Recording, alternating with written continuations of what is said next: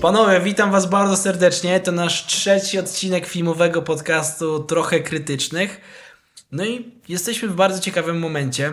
E, chciałem, żebyśmy dzisiaj sobie pogadali o czymś, co dużo osób nas pyta, gdzie pojawia się od dłuższego czasu e, w naszej społeczności taki temat, czyli tego, co dzieje się z naszymi w jakiś sposób ukochanymi czy lubianymi franczyzami. I oczywiście chodzi o Gwiezdne Wojny, chodzi o Marvela, a nawet teraz chodzi o Władcę Pierścieni. Nie tak dawno ruszyła wiadomość, y, runęła wręcz wiadomość, że Warner Bros. ma prawa do tego, żeby zrobić nową trylogię, a mamy dopiero co w pamięci Rings of Power.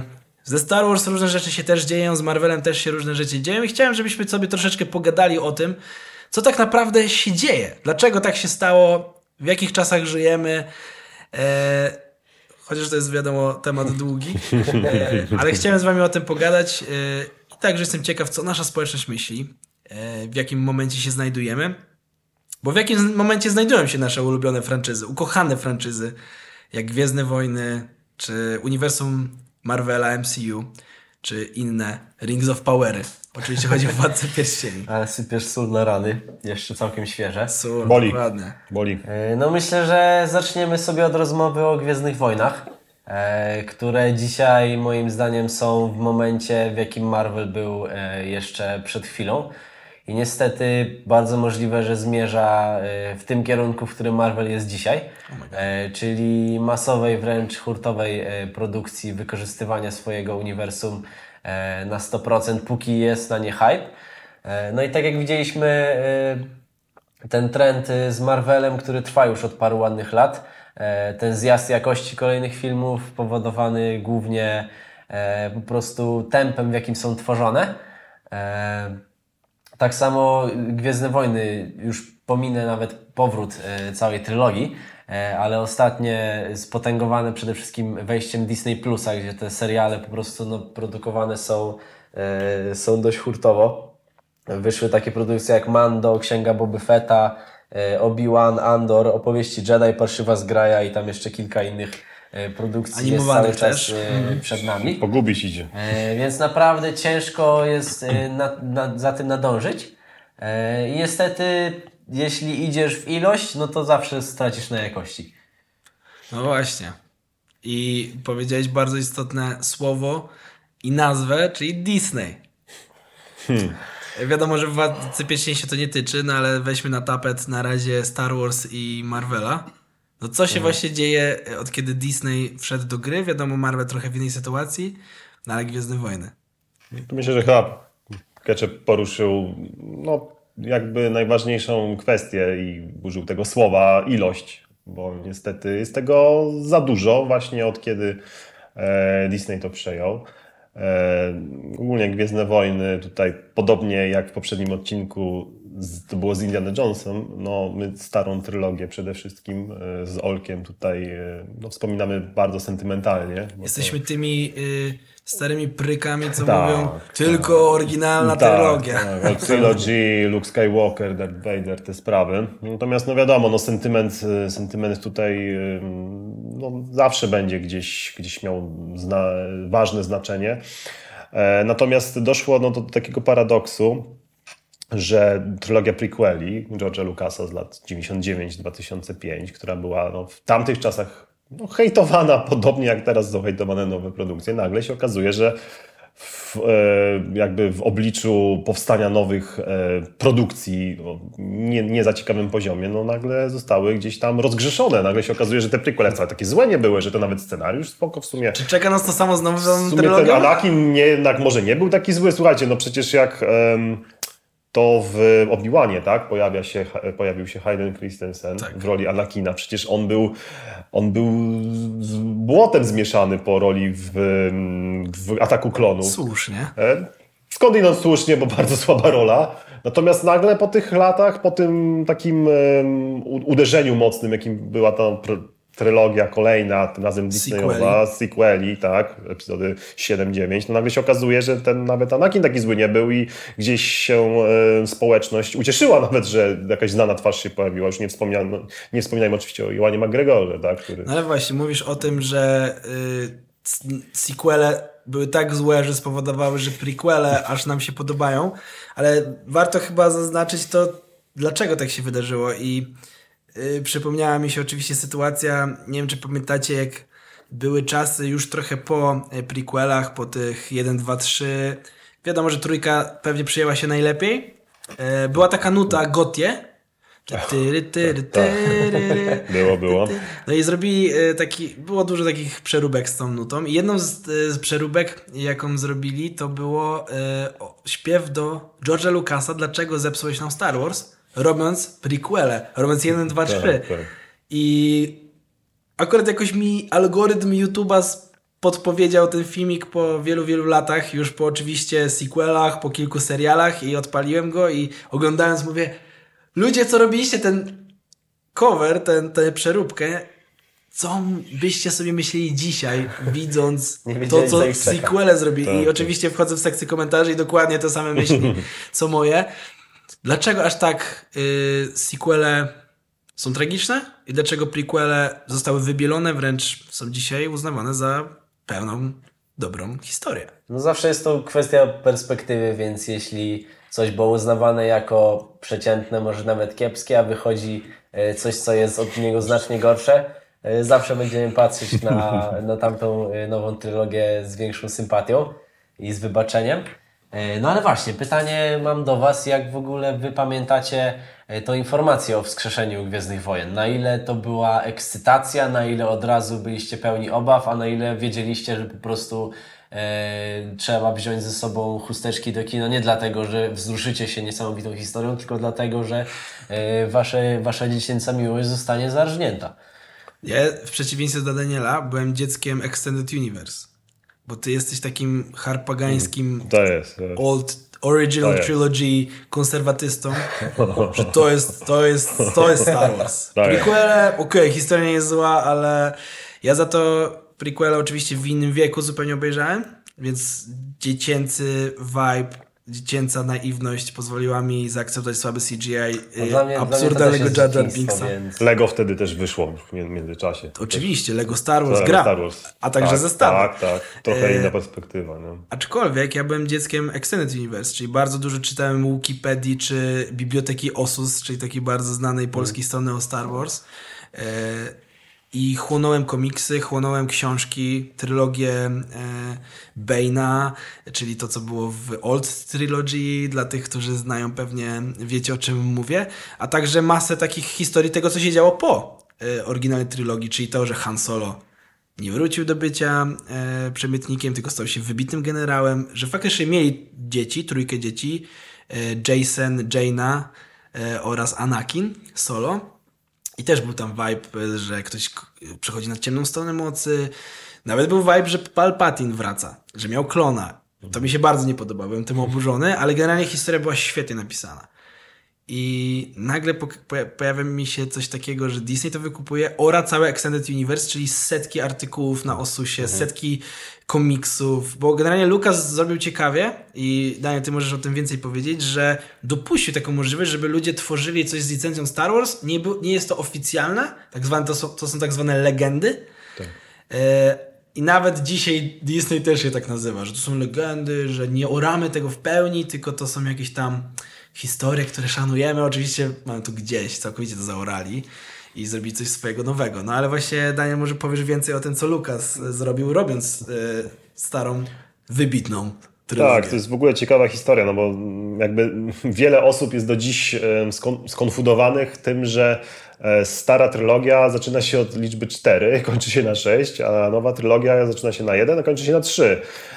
Czego jeden? Jakby wiadomo. Znaczy, młodszy od 4. Tak, znaczy generalnie było tak, że oczywiście Lukas pierwotnie nie, jakby nie miał w planie robienia trylogii. On jakby spełnił gdzieś tam swoje marzenie, żeby mm, stworzyć film właśnie e, o, o kos, jakby w kosmosie, ale trochę taki też fantazy, żeby to było. No tak, bo to jest fantastyka w tak, kosmosie. Tak, fantastyka w kosmosie, to nie jest typowe science fiction.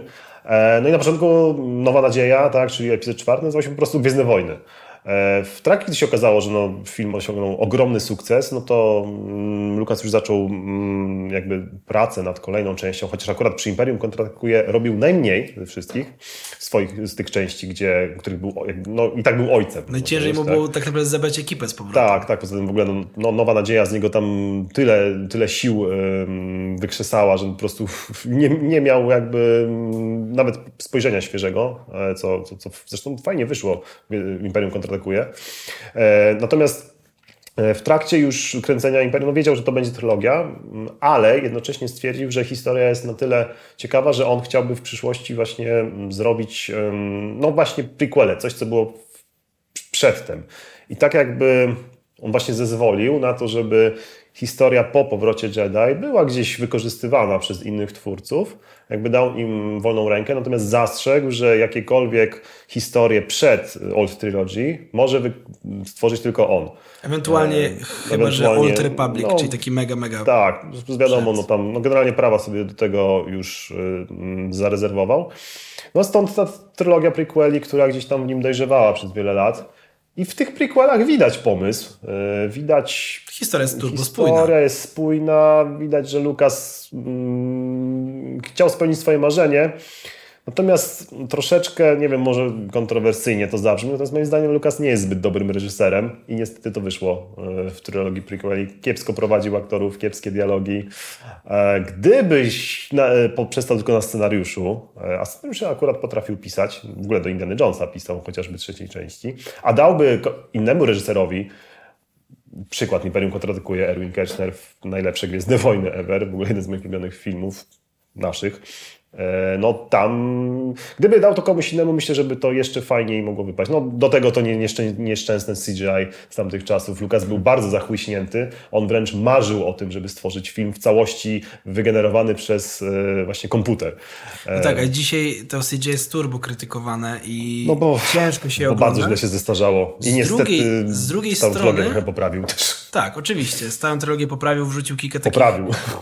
No właśnie, poprawił na zasadzie, że wrzucił kilka elementów CGI, które mm. psują trochę wrażenie, ale bardzo. co jest ciekawe, tak naprawdę to były też pierwsze filmy, które przyniosły przełom technologiczny w CGI.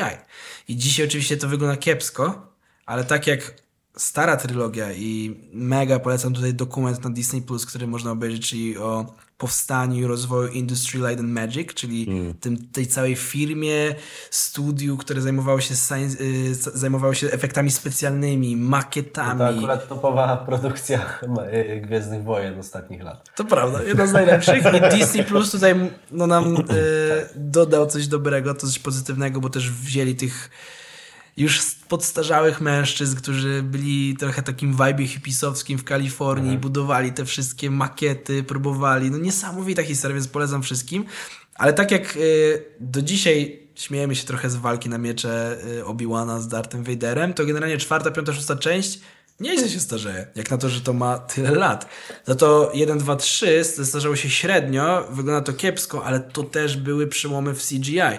To było, to wygląda strasznie, jak widzisz zdjęcia z planu, że ten wszędzie jest green screen i ci aktorzy prawie nic nie robili, tylko wszystko jest wygenerowane. Z drugiej strony to też przyniosło bardzo, bardzo duże popchnięcie do przodu tego, co w świecie y, VFX tak naprawdę dzisiaj mamy. Więc źle to wygląda? Ale, Ale fajnie przy, to docenić. Przyczyniło się jednak no, Bardzo. do rozwoju. Natomiast rzeczywiście jeszcze, no, jakby tutaj nawiązując, mm, porównując prequele teraz do kolejnych sequeli, no to wspomnieliśmy o tym, że prequele miały jednak jakąś historię. E, czy była powiedziana dobrze, czy kiepsko, no to już pozostawmy swojej ocenie. Natomiast największym właśnie taką bolączką tych sequeli jest to, że tam jest taki bajzel fabularny. E, pamiętam, że my jak poszliśmy na Przebudzenie Mocy, byliśmy chyba też tak spragnieni w ogóle jakiegoś filmu z uniwersum Gwiezdnych Wojen, że na początku nam się ten film pamiętam spodobał. Ja dałem 8 na film, na Pojechał nam po sentymencie strasznie, bo właśnie efekty były zrobione tak w tym, zrobione już fajnie, w nowoczesnym stylu, natomiast nawiązując... Dużo praktykalnych dużo, też było. Tak, dużo było praktycznych efektów, rzeczywiście były prawdziwe lokacje, mm, były makiety. Wyglądało to bardzo oldschoolowo, a jednocześnie fajnie było zrobione. Natomiast no, po jakimś czasie kiedy przede wszystkim po seansie ostatniego Jedi, ale też usiedliśmy sobie tak na poważnie, stwierdziliśmy, że Przebudzenie Mocy to jest taka kalka nowej nadziei, e, że to aż jest, aż boli. Rozwój postaci jest nielogiczny. płytki. I teraz, y, no jak porównujemy, no ktoś może się Luke Skywalker, tak, też krótko trenował i nagle pokon, tam walczył z Vaderem. Natomiast no, gdzieś tam jednak był ten mistycyzm, tak? gdzieś ta moc, y, można powiedzieć, była taką mm, kwestią e, nawet duchową. Tak? Natomiast wszyscy, od prequeli, prequeli już się zaczęło troszkę dewalu, dewaluować to znaczenie mocy, natomiast Dicloriany i te to, co sequele zrobiły, nagle się okazało, że jednak każdy może mieć tą moc y, i tak naprawdę jak tylko, wystarczy, że uwierzysz, a weźmiesz y, miecz w ręce i pokonasz każdego, no to to już jest brak szacunku dla widza moim zdaniem i niestety sequele tego szacunku za bardzo mm, nie mają. No i to w, każdy, w każdej scenie było widoczne. A w ostatnim Jedi jak Leia jako Superman tam zmartwychwstała w tym z przestrzeni, to e, śni mi się po nocach czasami. No ale pytanie, czy to w ogóle wznowienie świata Gwiezdnych Wojen to jest tylko i wyłącznie skok na kasę, chęć wydojenia tych milionów fanów Gwiezdnych Wojen na całym świecie, bo to nie mogło się skończyć inaczej jak sukcesem e, kasowym. Każdy jak usłyszał Gwiezdne Wojny idzie do kina. E, I pytanie, czy jednak faktycznie intencja była czysto finansowa, E, czysto brutalna wobec fanów, czy jednak chcieli zrobić coś sensownego, ale po prostu im nie wyszło? No i tu chyba się spotykamy z tym, w czym w ogóle mamy problem, albo jakie mamy wyzwanie w dzisiejszych czasach. Czyli Disney wchodzi, robi też porządek z Clone Wars, czyli serialem, który Lucas jeszcze e, miał na oku i był bardzo fajnie skonstruowany, jeśli chodzi o fabułę.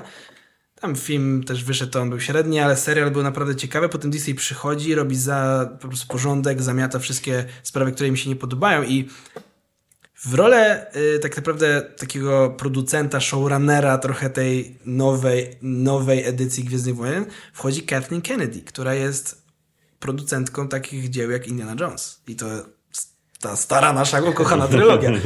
I to jest kobieta, która przyczyniła się do niesamowitego rozwoju takiego kina przygodowego, fantazy, ale wchodzi już z tym bagażem disneyowskim mhm.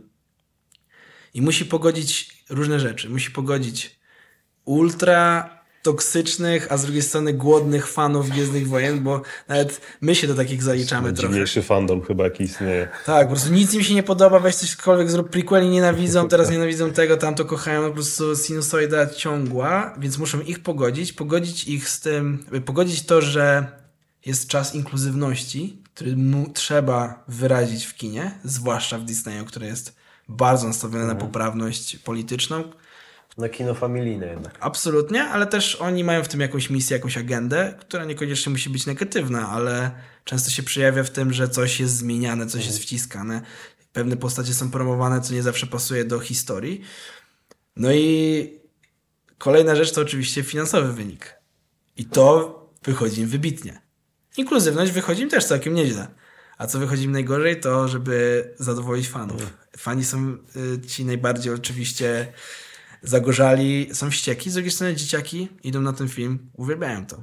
Kochają Ray, kochają Fina, kochają Poe, e, kochają nawet, e, no nie wiem czy kochają, ale nawet Adam Driver w roli Kylo Rena, który akurat był bardzo brzucony na początku błotem, później jakoś wychodzi, że w sumie jest dobrym, e, dobrą postacią, dobrze jest zagrany i, i coś dziwnego się dzieje. Czyli znowu, pewne pokolenie ma swoją trylogię i cieszy się, stare pokolenie jest wściekłe i nienawidzi tego. Jest taka ogromna polaryzacja znowu mhm. tego też, co obserwujemy w dzisiejszym społeczeństwie. I to jest nasze wyzwanie, to jest nasz problem i jak podejść do tego, jeśli chodzi o kino. Z drugiej strony, ja nie chcę być takim starym przepraszam, dziadem i pierdzielem, który mówi, e, no, co nowe mi się nie podoba i trochę wychodzę na takiego, może taki jestem, kto wie. Ale to, co mnie najbardziej rani w nowej trylogii, to to, jak potraktowali moje legendarne postacie. Czyli to, że Han Solo w żaden sposób się nie rozwija. Po 20 latach dalej jest przemytnikiem. No, tym samym tak naprawdę. E, Luke po jednym ciężkim... Oczywiście sytuacja była bardzo ciężka fabularnie.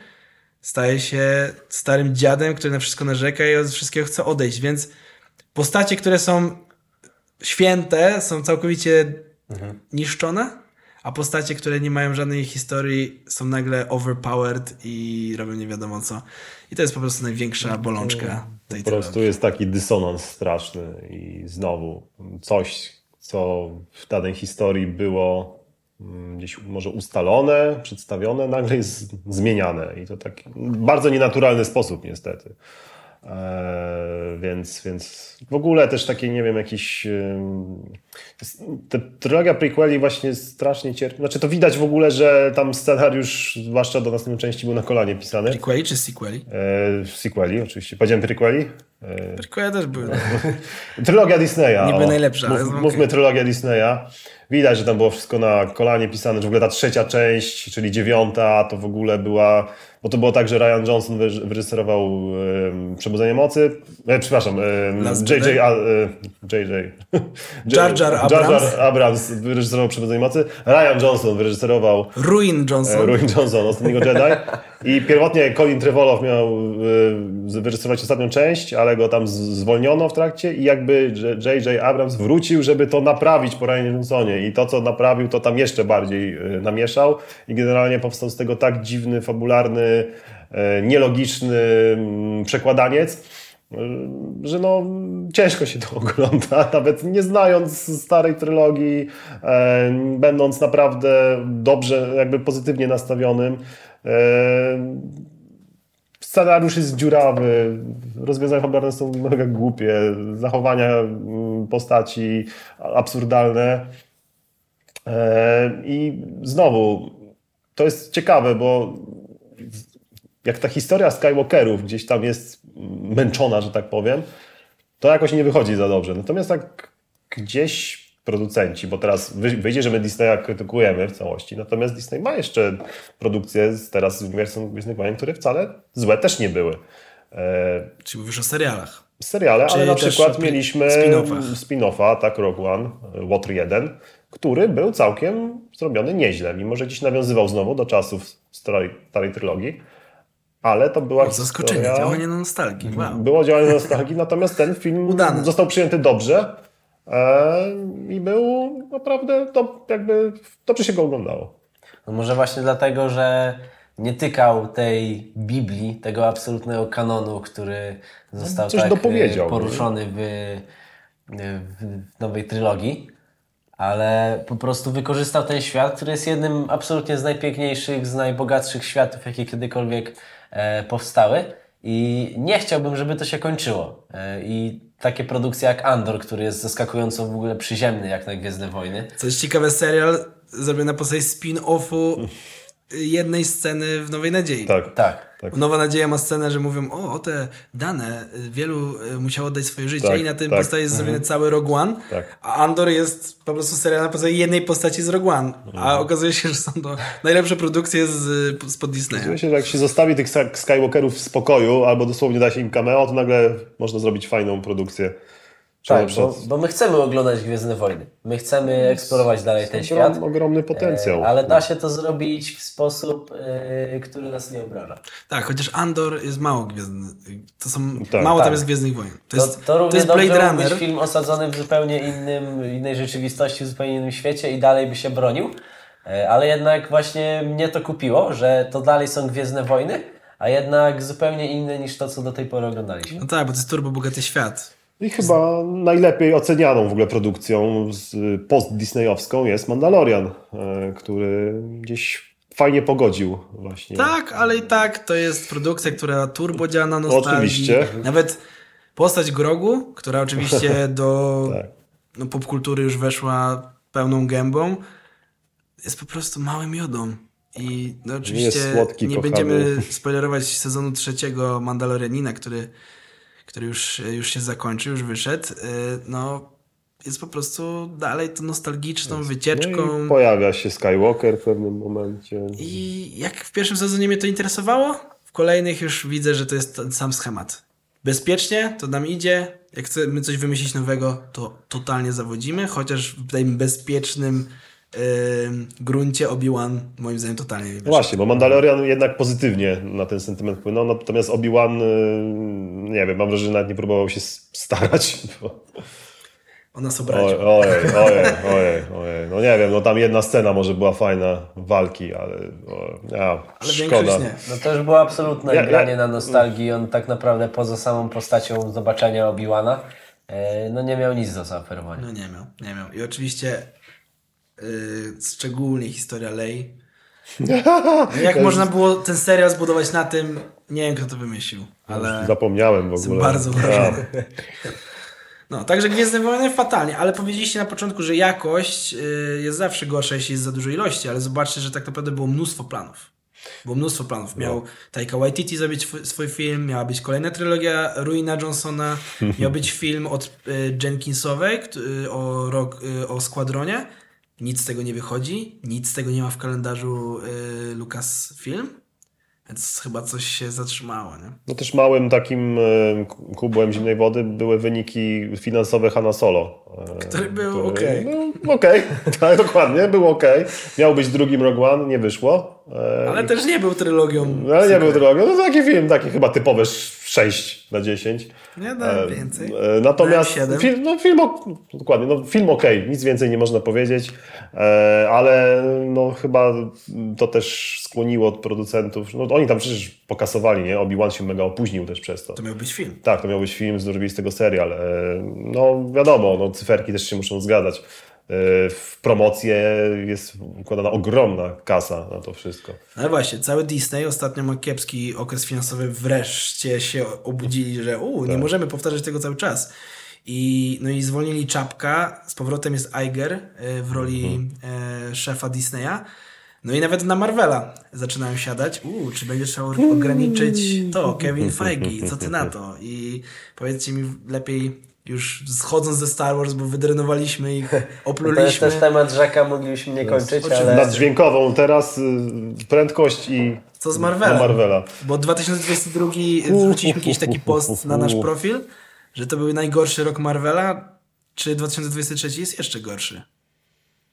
Ja wam powiem, że po tym, znaczy powiem tak, e, takim Olimpem Marvelowskim był, byli trzeci Avengers, Infinity War. Myślę, że Och. wszyscy się zgodzimy. Natomiast taką faktyczną klamrą był Endgame. No tak. E, I to było naturalne gdzieś zakończenie taki, tej historii właśnie, tego, tej fazy. E, Pożegnaliśmy się z tymi postaciami, które gdzieś były z nami od samego początku. Tak, Iron Man, przecież Kapitan Ameryka, no to w zasadzie pierwsi ci superbohaterowie, którzy dostali swoje filmy. E, I ja, no wiadomo, no, uniwersum Marvela komiksowe jest ogromne, natomiast e, coś siadło, coś po tym Endgame'ie siadło i jakby poziom tych produkcji e, no, jest zatrważająco niski i to nawet produkcje, które są kontynuacjami starych, lubianych serii, nawet one podupadły. No, czwarty Thor, drugi Doctor Strange, no to nas bardzo zawiodły. Już nie wspomnę o tych nowych. e, To pewnie przydałoby się naszego eksperta od Marvela zaprosić tak, samego. tak, tak. E, On by pewnie powiedział nam więcej, ale tak, no 2002 rok, 2022 rok, bo w drugim to tam za wiele się nie działo. E, fatalne seriale. E, She-Hulk, e. Mrs. Marvel, e, Falcon i Winter Soldier. To jest do dziś jedyna produkcja, którą ceniliśmy na jeden w skali 10. Tak, na razie tak. To jest 1 nas na tak. 10 Legendarna z pełnym produkcja. przekonaniem, bez żadnej złośliwości. E, to jest fatalne, to co się, się, co się stało i też ostatni Ant-Man jest dramatyczny. No właśnie, faza czwarta była fatalna e, i są duże oczekiwania, że ta faza piąta przyniesie pewne odświeżenie, e, pewną zmianę kierunku, aczkolwiek czy Ant-Man e, wyznaczył nowy kierunek? Nope. Niekoniecznie. No i zaraz y, wchodzą do kin Strażnicy Galaktyki, trzecia część. Pożegnanie Jamesa Gana z Marvelem i idzie do DC.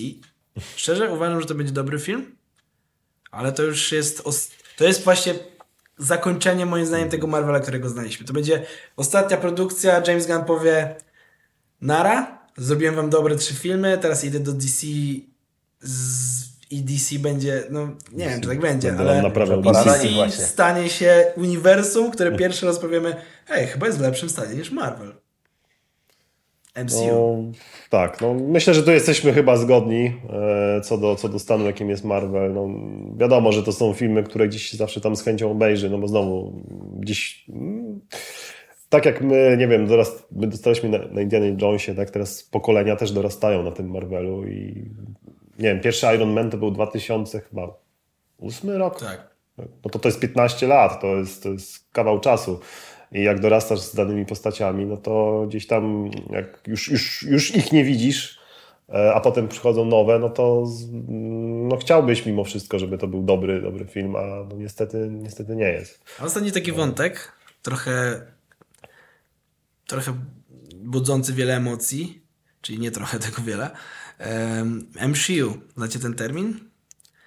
MCU? Tak. MCU, czyli to, że wymieniono większość męskich bohaterów na, Tak, na tak, tak. kobiece postacie.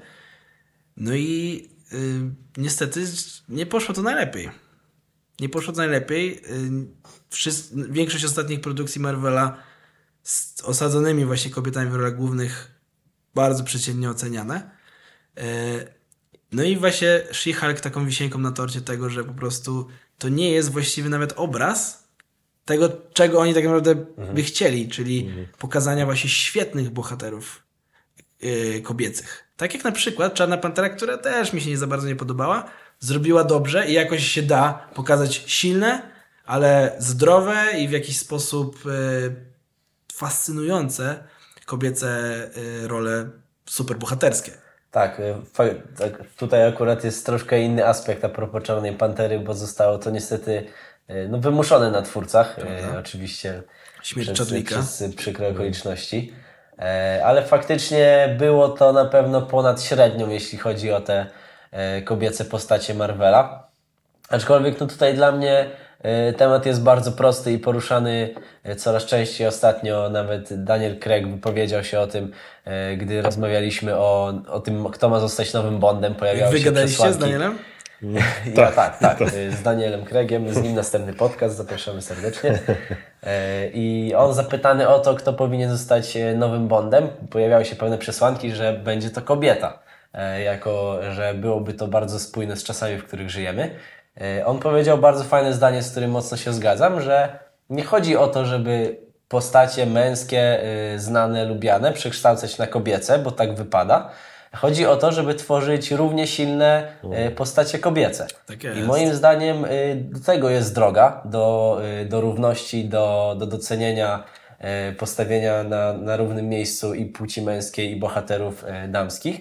Nie na tym, żeby kopiować i próbować przekabacić ich na siłę e, na przeciwną płeć, ale chodzi o to, żeby tworzyć równie silne, równie ekscytujące i równie uwielbiane e, postacie kobiece. I niestety, no, tego nie ma w Marvelu dzisiaj. No właśnie. Ja bym był wściekły, gdybym był kobietą na Marvela, jak, jaki też y, prezentuje obraz. Może nie każdy się z tym, z tym zgodzi. I to samo można powiedzieć o kolorze skóry. skóry. Dokładnie. Stwórzmy zarąbiste postacie, y, które będą reprezentować świetnych bohaterów, tą społeczność i tak dalej, jak zrobili zresztą z Black Panther. No a tyle o Marvelu. Jeszcze chciałbym, żebyśmy poszli ostatni case. Y, no czyli Władca Pierścieni. Wspomniałem na początku. Warner Bros. Nie wiem, czy oni zaorają Rings of Power w ten sposób, czy po prostu Pierścienie Władzy, czyli serial Amazona nie będzie miał żadnego znaczenia i po prostu Warner Bros. sobie zrobi kontynuację trylogii, a Amazon zostanie z niczym, no ale chcą zrobić nowe filmy w Śródziemiu i tutaj nasz ekspert od Tolkiena na pewno ma coś do powiedzenia. No, ja to mógłbym godzinami mówić o Tolkienie akurat. E, natomiast co do serialu, no to tam dalej będzie przez Amazona kontynuowany. Oni te, tych praw tam nie stracili. Natomiast no, w ogóle kwestia praw, które ma Amazon jest absurdalna, bo oni mają prawa jakby tylko do em, właśnie Władcy Pierścieni i dodatków, em, czyli dosłownie wspominek o drugiej e, erze e, Śródziemia. Natomiast no, sam, sam e, właśnie sam serial opowiada o tej drugiej erze i nawiązuje do pierwszej, gdzie on nie ma praw do Silmarillionu zupełnie. Także no to... Powiedz nam, czym Silmarillion w? Silmarillion w skrócie, no to to jest em, to jest zbiór historii z totalnych początków Ardy, czyli, czyli mm, jakby ziemi, na której znajduje się Śródziemie, czy wcześniej Beleriand, też e, zatopiony kontynent. E, Mieliśmy tam dawne dni, co, coś troszeczkę na wzór stworzenia w Biblii, e, plus później mamy, po tych dawnych dniach, mamy pierwszą erę, drugą erę, a to, co się dzieje we Władcy Pierścieni, no to to jest trzecia era. Także tak naprawdę mm, wydarzenia z Władcy e, Pierścieni czy z Hobbita, bo też trzecia era, to jest tylko taki mały wycinek tak naprawdę ogromnej historii, którą napisał Tolkien.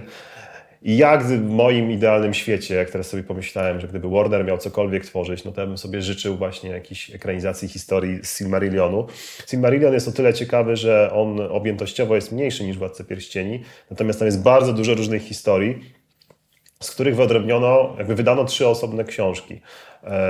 To są Dzieci Hurina, e, taka najbardziej kompletna e, książka. E, generalnie no, opowiada o historii człowieka, który żyje w złych czasach, że tak powiem. Pięk, przepiękna historia, idealna na film w ogóle.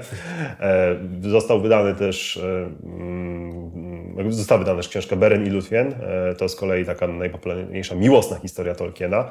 Były małe nawiązania we Władcy Pierścieni w rozszerzonej wersji. Do tego zresztą miłość Aragorna i Arweny troszeczkę jest jakby wzorowana na, na tym, co, co Tolkien napisał właśnie Beren i Luthien. To jest w ogóle miłość człowieka i elfa. Oraz trzecia książka, Upadek Gondolinu. Również tu jest gdzieś no, historia właśnie mm, miłości człowieka i, i, i, i elf, elfki.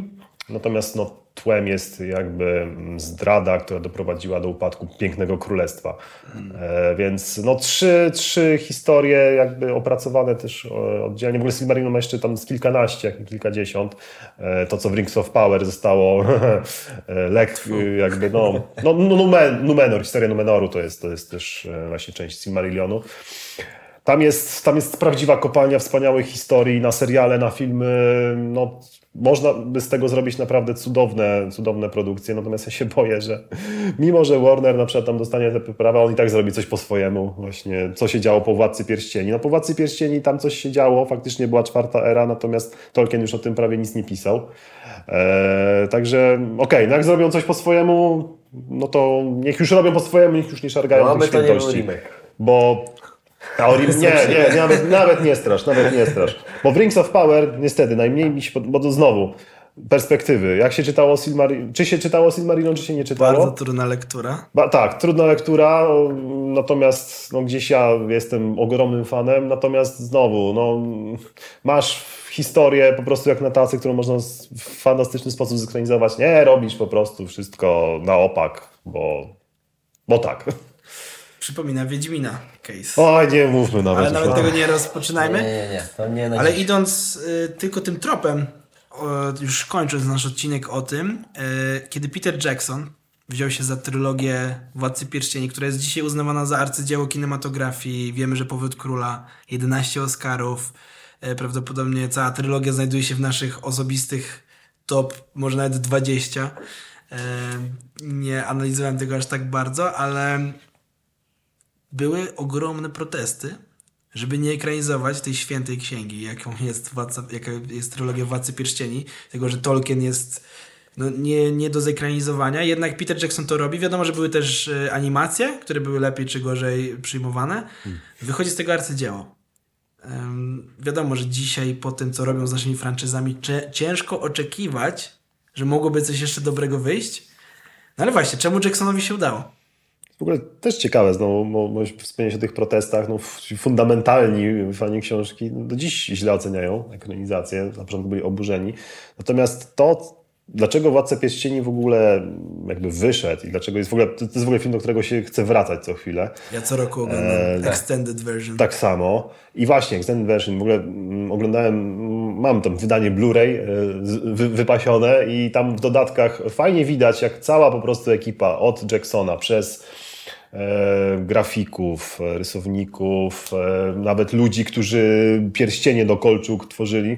Oni byli tak zakochani w tym świecie, mm. że oni chcieli to zekranizować w najbardziej jakby no po prostu najlepszy sposób, oddając hołd Tolkienowi. Jackson wiele razy się wypowiadał, że on no, obserwując nawet te lokacje w Nowej Zelandii. W ogóle to jest śmieszne, bo to nie jest film hollywoodzki, to jest film e, stworzony przez studio, tak, New Life Cinema, natomiast wszystko było kręcone w Nowej Zelandii. E, przez e, efekty specjalne były przez nowozelandzkie studio robione, te makiety wszystkie. Natomiast to wszystko było z takim szacunkiem stworzone. wiadomo, były jakieś pominięcia fabularne, no bo tego, tego nie da się jakby no nie da się zekranizować idealnie. E, natomiast Jackson też zrobił to tak w umiejętny sposób, że ta historia jest e, przede wszystkim spójna, a czuć tego ducha Tolkiena cały czas. E, widać, że to jest historia stworzona przez człowieka, który tym żył jest zekranizowana w taki sposób, że tam nie było przypadkowych osób, tam nie było przypadkowych scen, wszystko tam gra, działa. Mm. No i chce się to oglądać po prostu. No, chyba z miejsca tak naprawdę Władca Pierścieni stał się legendą. E, Drużyna Pierścienia to jest mój top 3 nawet filmów. E, wspaniałe, wspaniała, wspaniała ekranizacja. A to też dlatego, że po prostu materiał źródłowy, który sam sobie był fantastyczny, został mm, zekranizowany naprawdę dość wiernie. I, I, film broni się zupełnie jako osobna produkcja, nie trzeba go, że tak powiem, tłumaczyć książką, jak to czasami się niestety mm -hmm. dzieje. Mm -hmm. Zgadza się, plus trzeba przyznać, że też dobrze się starzeje. Tak, tak. No tak no.